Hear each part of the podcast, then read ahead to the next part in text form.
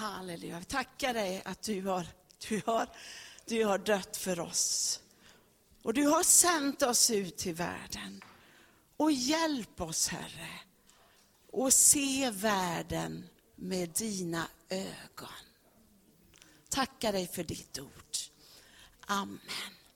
Innan lovsångarna som ska gå ner och sätter sig, så ska jag berätta att ni tillsammans med lovsångarna, jag ska ju ha fyra olika slags världar som jag ska prata om. Och varje värld ska avslutas med att vi sjunger en bön. Och hur kan den låta? Jesus för världen givit sitt liv Öppnade ögon, Herre mig giv. Tack. Det kommer vi klara med lovsångarnas hjälp. Ja, Jesus, ett av de sista han sa, kanske det allra viktigaste, det är det vi kallar för missionsbefallningen. I Markus 16 och 15 så står det så här, han sa till dem, Gå ut i hela världen och predika evangelium för hela skapelsen. Gå ut i hela världen och gör alla till lärjungar. Ja, tänker du, det har vi väl lyckats ganska bra med, eller? Om man ser på de här 2000 år sedan så har det ju gått riktigt bra.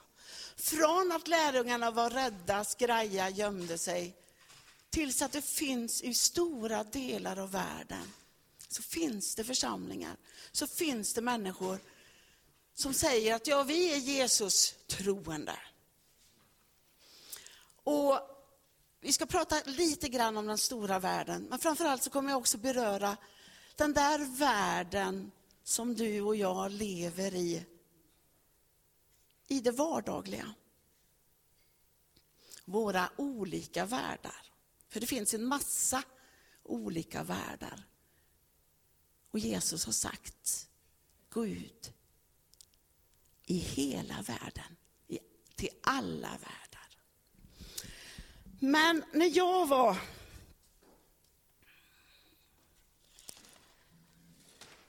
När jag föddes så såg världen ut ungefär så här. Det här är en gammal karta.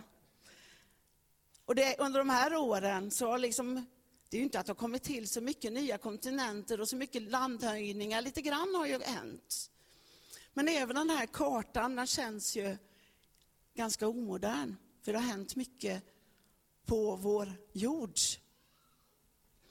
Och om man ser, var finns det kristna idag? Var finns det inte kristna idag? så brukar man prata om ett 10-40 fönster. Och jag tycker det är viktigt, även när jag ska prata om din och min vardag, så tänker jag så här, vi får inte glömma de som aldrig har hört. Vi får inte glömma de som inte har Bibeln på sitt språk. Även om det ska handla om dig och mig, mycket i min predikan idag. Men det här, det här ansvaret har vi. Vi har ett ansvar att ge att stödja de projekt som, kan inte du hålla Janne? Att stödja de projekt som går, framför allt, det, man brukar prata om ett 10-40 fönster. Det är från norra Afrika, vi har Medelhavet och så går det bort i södra Asien. 10-40 fönster, det handlar om, om hur man mäter kartor egentligen, longitud och latitud. Och det där fönstret, där finns det väldigt få kristna. Om vi tillsammans, alla vi i väst, i USA, syd och nord, alla de pengarna som vi ger till mission, så brukar man säga på varje krona vi ger, så är det ett öre som hamnar till mission i 1040-fönstret. Utav alla de som går ut som missionärer så är det en bråkdel utav de som tar sig till det här. Vi vet, tack, tack. Vi vet ju att Grant och Becky fanns i det här området. Men de har kommit hem och vi behöver hitta andra sätt att stödja det här. Men det finns andra som är bättre på att prata om det här. Men vi får inte glömma, för det här vi har, En, en fjärdedel av, människor, eh, av jordens befolkning lever här. Det är otroligt mycket människor som finns i situationer när det kan vara förbjudet att vara kristen. Eller man helt enkelt, man känner ingen som är kristen. Jag blev så gripen en gång när jag hörde om en kurd som sa, nej, som jag träffade ju, ja, det, fanns ju ingen, det fanns ju ingen kyrka, det fanns ingen kristen i den byn där jag bodde. Men så när jag hade riktig huvudvärk, då gick jag till den där gamla kyrkan och så satte jag mig, och det, det, så att säga, det var en kyrka där man använde, så att säga, både människor och hundar pinkade på, på, på, på den. Det var liksom en anskrämlig plats. Men så jag satte mig där på trappan och så lutade jag huvudet mot porten. Och så sa jag, Gud finns du, så hjälp mig. Och jag tänker det där, det, det finns många ställen som inte har den där kyrkan. Så låt oss inte glömma den delen av vår värld som inte har hört talas om Jesus. Vi kan väl be för dem genom att sjunga. Så.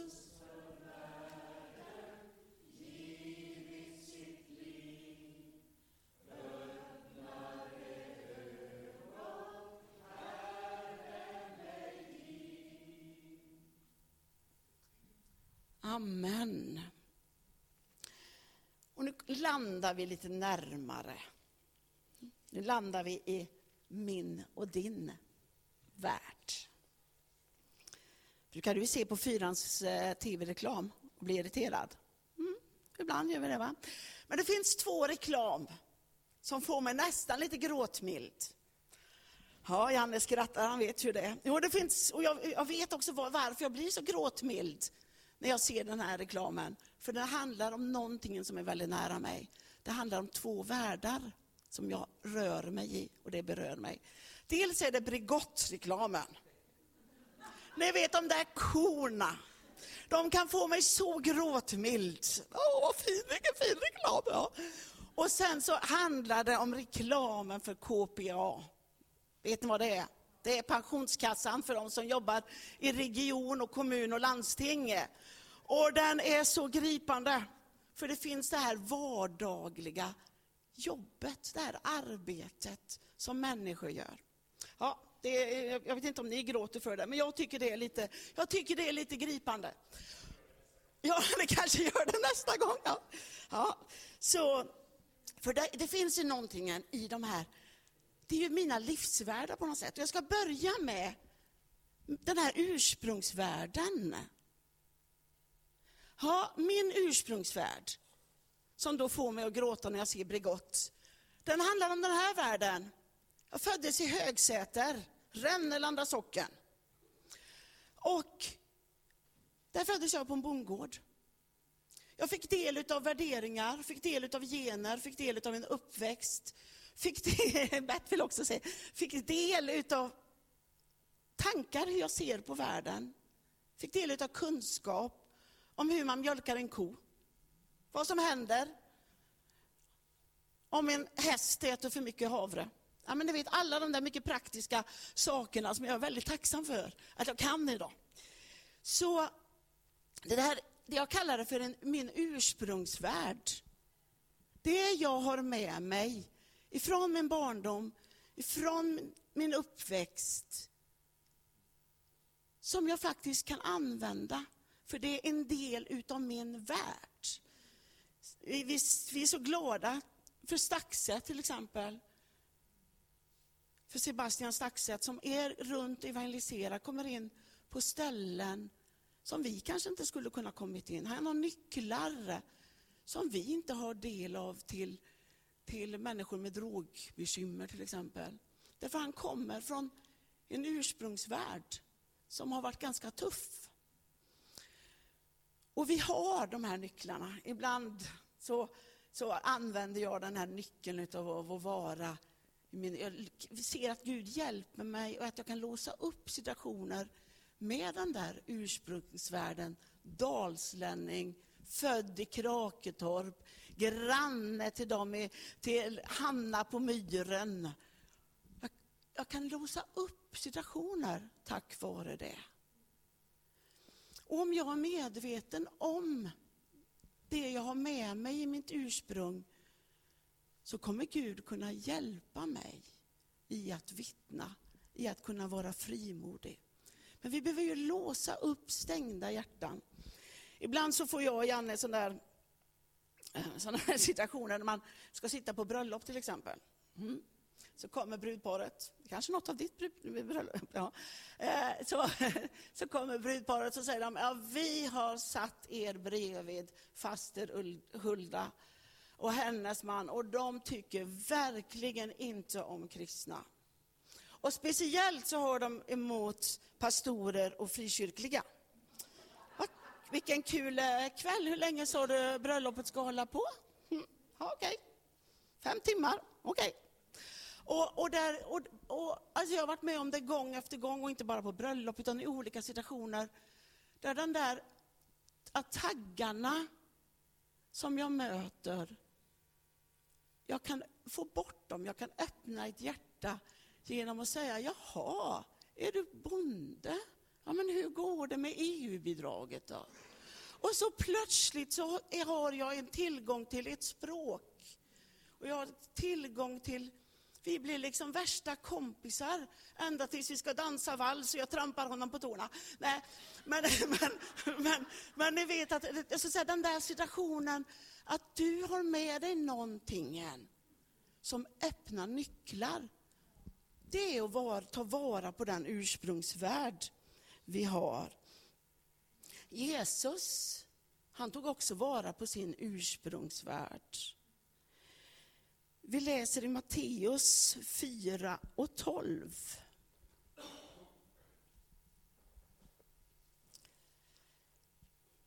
Matteus 4 och 12. När Jesus fick höra att Johannes hade blivit fängslad drog han sig undan till Galileen. Han lämnade Nasaret och bosatte sig i Kapernaum som ligger vid sjön på Sebulons och Naftalis område för att det skulle uppfyllas som var sagt genom profeten Jesaja. Sebulons och Naftalis land, sjövägen, landet på andra sidan Jordan, hedningarnas Galileen. Det folk som sitter i mörkret ska se ett stort ljus. Och för dem som bor i dödens land och skugga skall ett ljus gå upp. Och från den tiden började Jesus predika och säga, omvänd er, till himmelriket är här nu.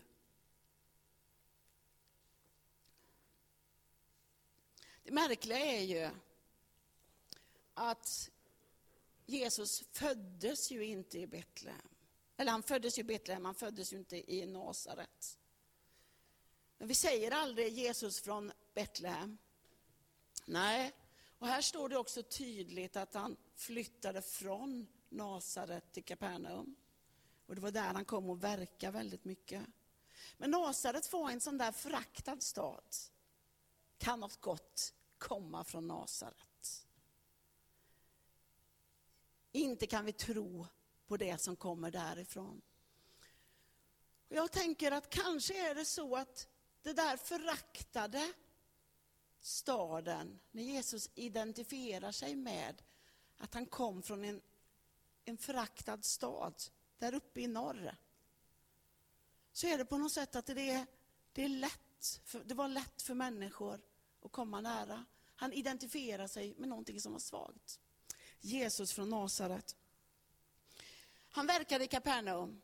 Det är så vackert här uppe i Galileen, så det är ju underbart och bodde otroligt mycket folk eh, på den tiden i i Galileen. Så det var ju också, och det fanns mycket, det var liksom den här blandningen, det var både hedningar och det var judar. Det var, mycket, det var liksom knutpunkter kan man säga.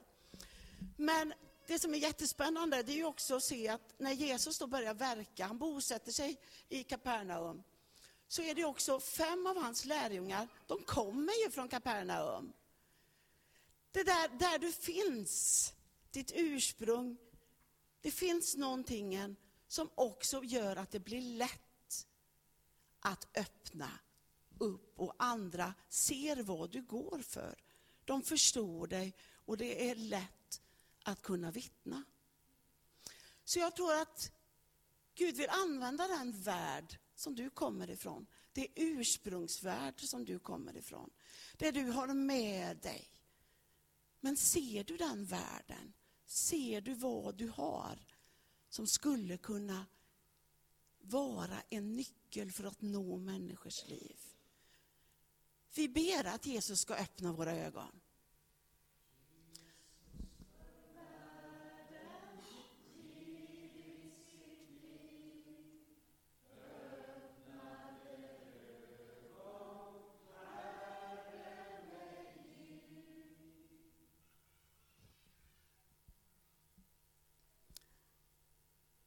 Min arbetsvärld.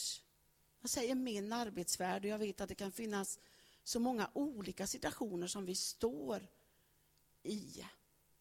Så jag vill på intet sätt liksom säga att det bara gäller arbetet. Det kan vara, tänk du som är sjuk, långtidssjukskriven, tänk att det här gäller ju dig.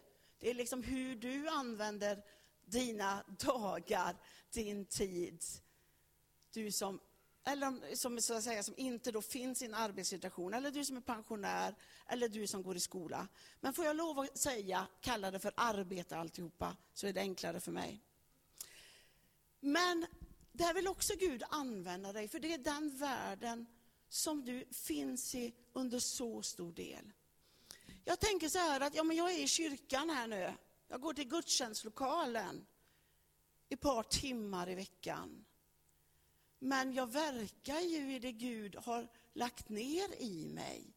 Gåvor, kallelse, profetord, utmaningar.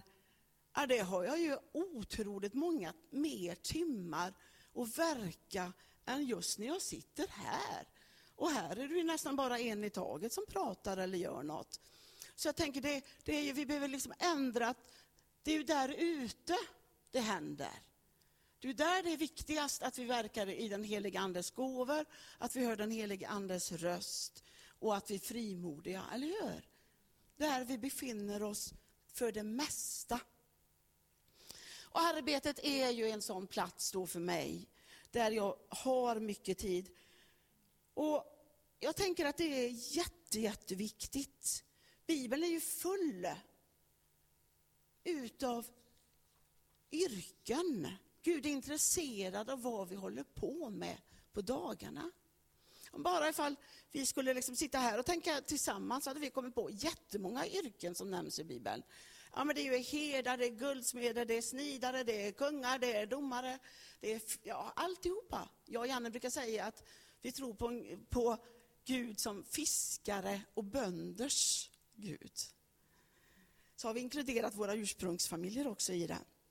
Men det finns, Gud är intresserad av hur vi, hur vi tillbringar våra dagar. Gud är intresserad av hur vi lever vårt liv, både i hemmet och i arbetet. Det finns ju tydliga, Paulus var ju, han, vi brukar säga att Luther tyckte om, tycker om arbetslivet, men Paulus tycker ju också väldigt mycket om arbetet. Han ger ju väldigt tydliga uppmaningar, till exempel i första Tess 4, 11-12. Sätt en ära i att leva lugnt och sköta ert och arbeta med era händer så som vi har befallt er, så att ni väcker respekt hos de utomstående och inte behöver sakna något. I Efesierbrevet står det att tjuven ska sluta stjäla och istället arbeta och göra nytta med sina händer så han har något att dela med sig åt den som behöver. Det finns någonting i att, i att arbeta. Och det är ju min värld. Jag tänker, när jag, jag, jag och Karina och Emelie, vi har ju förmånen att ha en förskola ihop. Och vi tänker, om det här ska ju vara en, en plats där Guds rike får, får kännas av. Så har vi underbara anställda och som Cecilia och Kristel är med. Så vi är ett helt gäng här i församlingen som bidrar till att det här ska kunna bli den plats som vi längtar efter den ska vara. Vi tror ju att när föräldrar ska gå in där, oavsett om man är, är, tror på Jesus eller inte, så ska Jesus komma ett steg närmare. Det ska vara lätt och kunna be om förbön, om hjälp hos oss. Vi följer såklart de regler och restriktioner som gäller för en förskola. Men det finns ju ingen restriktion som säger att jag inte får se mig som någon förlorades pastor. Nej.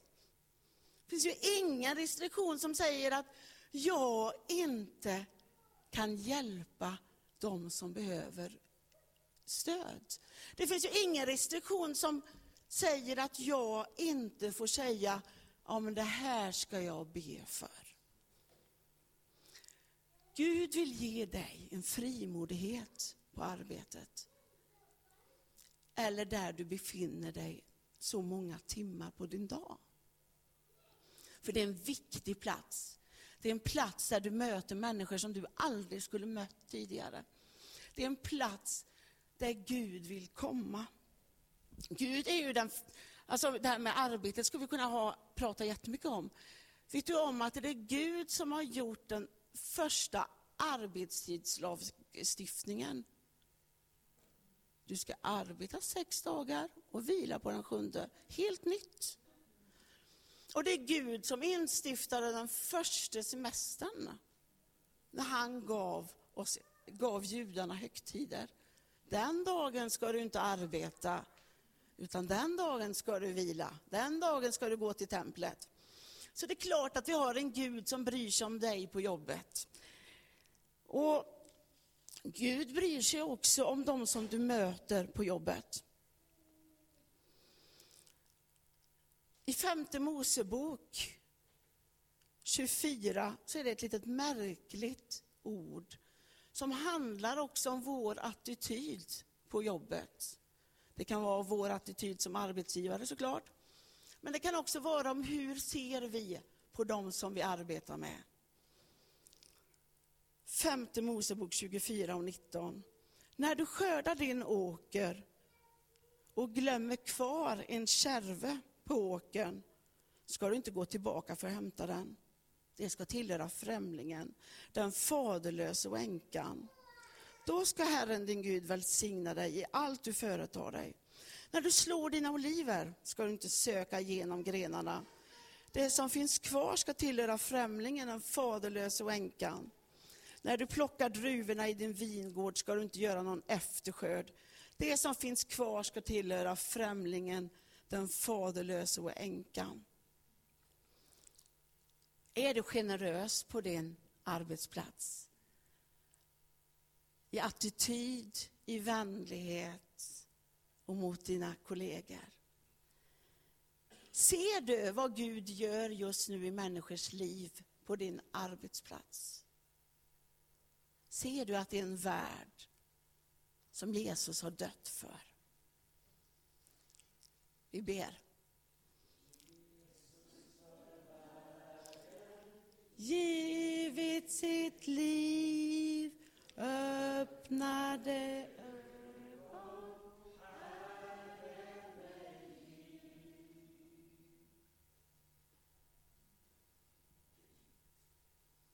Och nu landar jag lite kort i den här sista världen. Det finns ju tusen världar till. Men det här är en stor värld för oss. Anders kommer, nästa söndag kommer Anders fortsätta predika kring det här. Och det är hemmavärlden. Ditt hus. Där är ju också Bibeln jättetydlig. Jesus gick hem till folk. Han hade ett, ett favorithäng hemma hos Marta och Maria och Lazarus. Men han, det, det skedde mycket i de olika hemmen.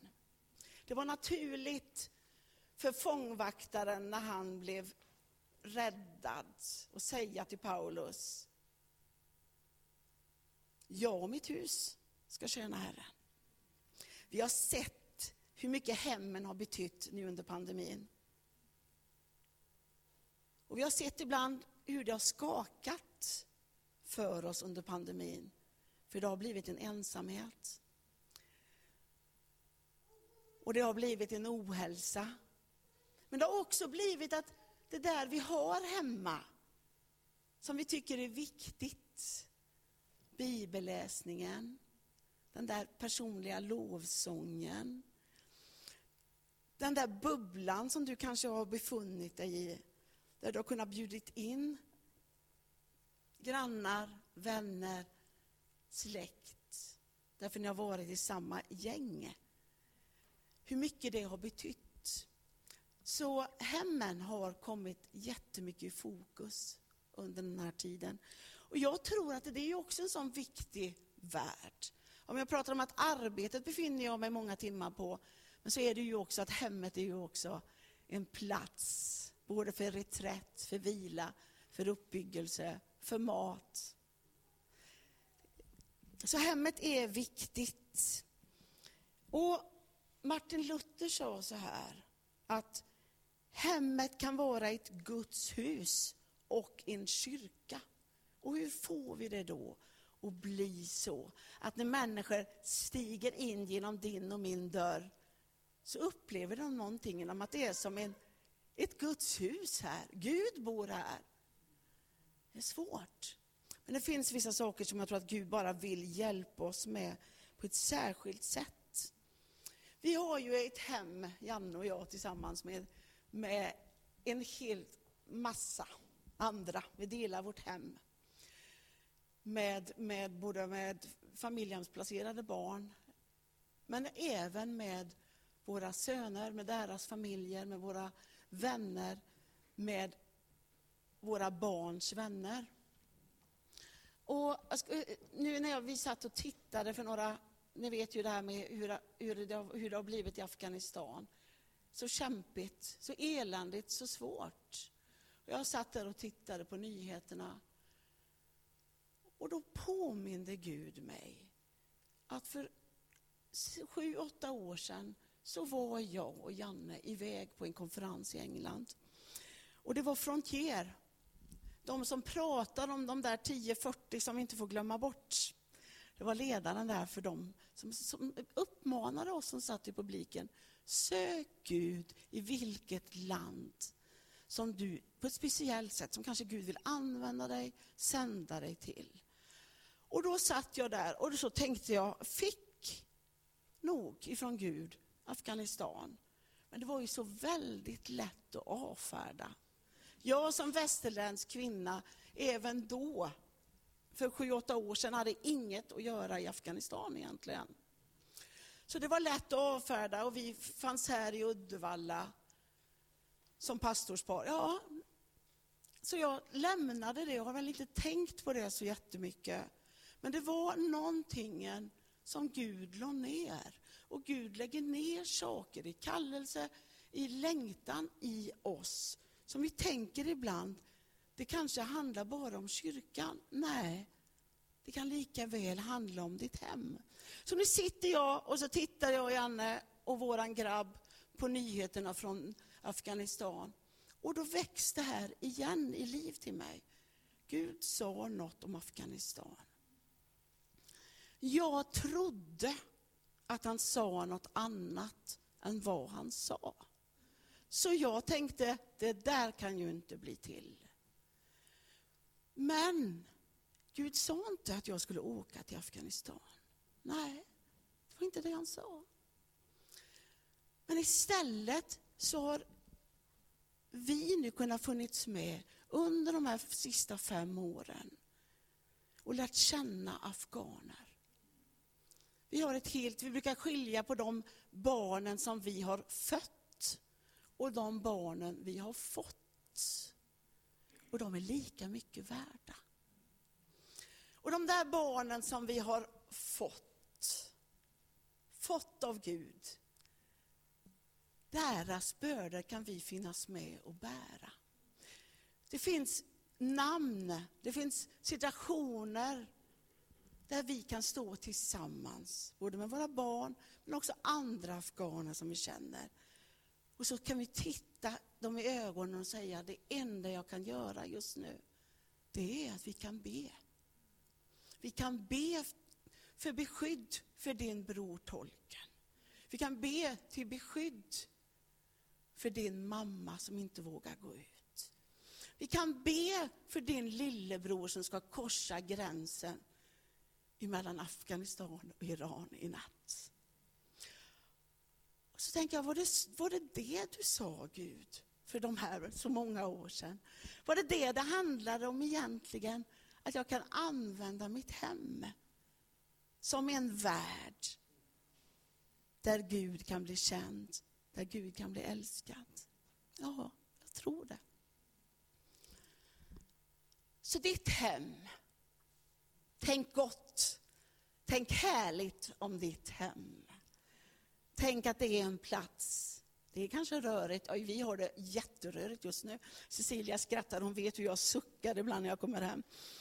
Eh, eller när jag kommer till jobbet. Ja, det kan vara rörigt i ett hem. Och det kan väl finnas, det, det mest bästa du kan bjuda på, det kanske är delicatobollar.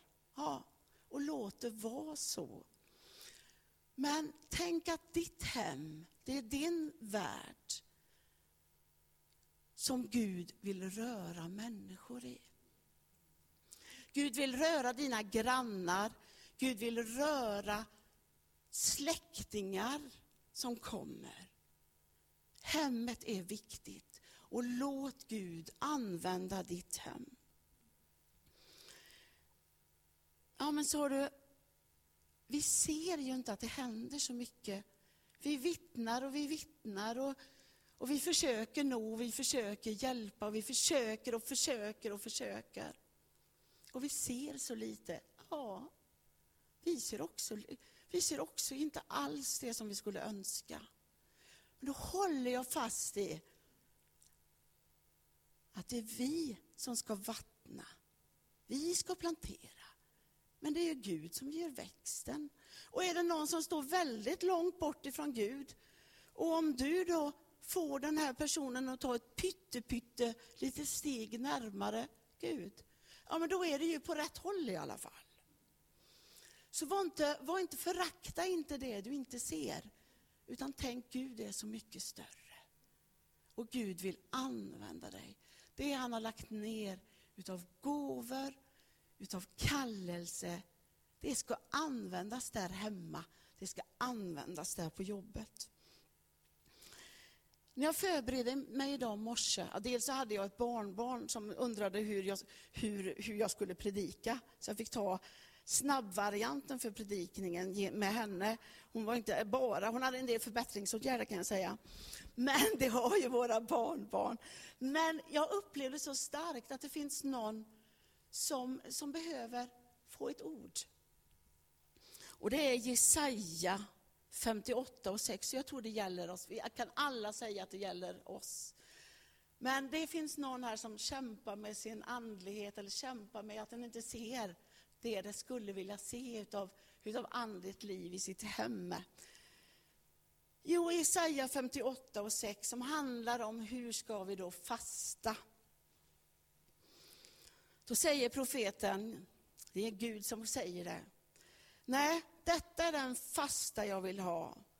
Lossa orättfärdiga bojor, lös okets band, släpp de förtryckta fria, bryt sönder alla ok. Dela ditt bröd med den hungrige, ge de fattiga och hemlösa en boning. Klä den nakne när du ser honom och dra dig inte undan det som är ditt kött och blod.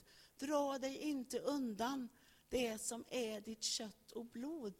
Dra dig inte undan det som är ditt kött och blod, upplevde jag Herren sa till oss. För då ska ditt ljus bryta fram som gryningen och ditt helande växa fram med hast. Din rättfärdighet ska gå framför dig och Herrens härlighet följa i dina spår. Då ska Herren svara när du åkallar honom.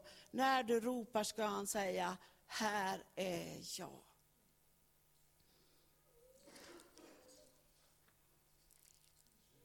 Jesus för världen givit sitt liv öppnade ögon, Herre mig.